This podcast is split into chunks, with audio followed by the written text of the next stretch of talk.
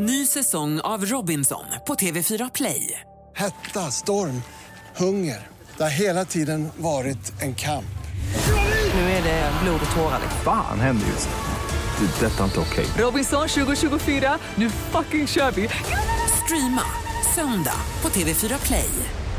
Hallå där, det är jag som är Lotta Bromé och det här är ett inslag från Halv tre med Lotta Bromé på Mix Megapol. Vi ska prata lite om el, för det svänger om elpriserna just nu. Igår nådde de toppnoteringar igen och alla kommer väl ihåg vilka elräkningar vi hade i vintras. Maria Edman, VD på God El. Hej och välkommen! Tack så mycket. Vad är det som händer? Ja, men vad är det som händer? Det händer jättemycket på elmarknaden nu och priserna de varierar väldigt mycket. I helgen hade vi historiskt sett jättelåga priser och sen så blev det lite högre i måndags.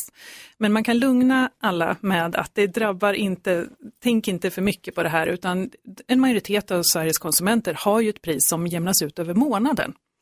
Eh, antingen har man ett fast pris eller så liksom all, all konsumtion och alla priser hela månaden jämnas ut.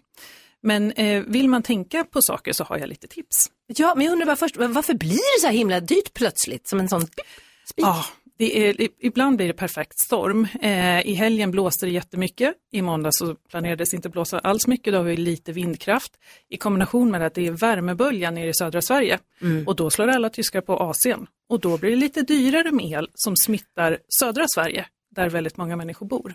Eh, och sen så på det har vi Ukraina-krisen och gasprisen och alltihopa och sånt där. Så det är väldigt, väldigt många saker och lite småkomplext. Allmänt elände drar upp elpriset kan ja, man säga. det kan man säga. Vad var det för tips du hade? Få höra. Men jag har tips eh, i det att man kan ju faktiskt fundera på, det är dels priset men sen är det hur mycket man använder. Man kan ju fundera på, behöver jag all den här elen som jag använder? Till att börja med, på på sommaren så använder man kanske en tredjedel av all el som man använder på vintern. Så det är, väldigt, det är förhållandevis lite konsumtion. Eh, men man kan då, om man har uppvärmning eller AC så kan man tänka på att man jobbar lite med den. Man kanske stänger av ACn, går ut och hänger ut tvätten istället för att köra torktumlaren till exempel. Mm. Eh, det mest kreativa tipset jag har idag är att ställa in böcker i kylskåpet. Eh, för att då får man en jämnare temperatur i kylskåpet.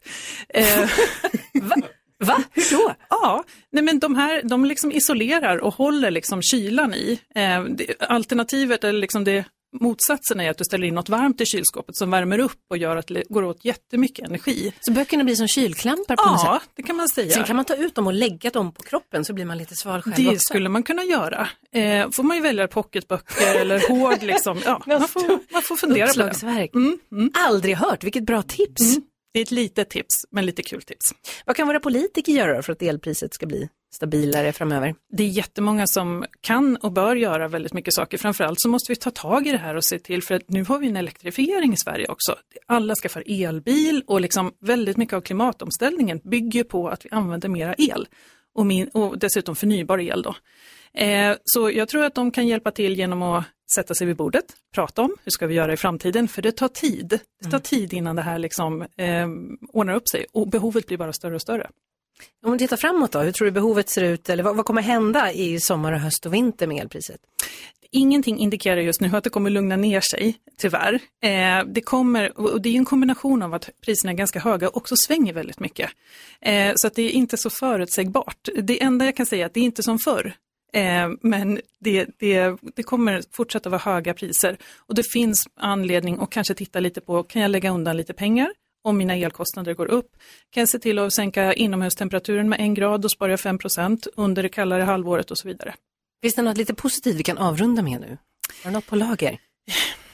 Det är spännande med det som händer och det går att påverka din elkonsumtion. Ja. Eh, du kan se över vad, hur du använder elen, var du använder elen, om det är motiverat och kanske ta några tänk här över sommaren om man kan investera i kanske lite bättre uppvärmning eller någonting sånt. Jag ska gå upp på vinden och plocka ner den där stora lådan med böcker som jag har ställt där. Stoppa in dem i kylen. Låter rimligt. Maria Edman, VD på God El, tack för att du kom till Mix Megapol. Tack.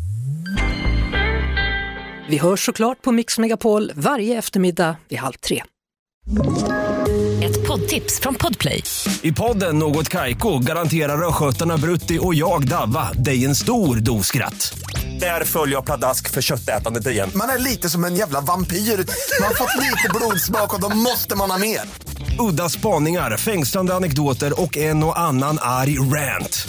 Jag måste ha mitt kaffe på morgonen för annars är jag ingen trevlig människa. Då är du ingen trevlig människa, punkt. Något Kaiko, hör du på Podplay. Därför arkadeinerna.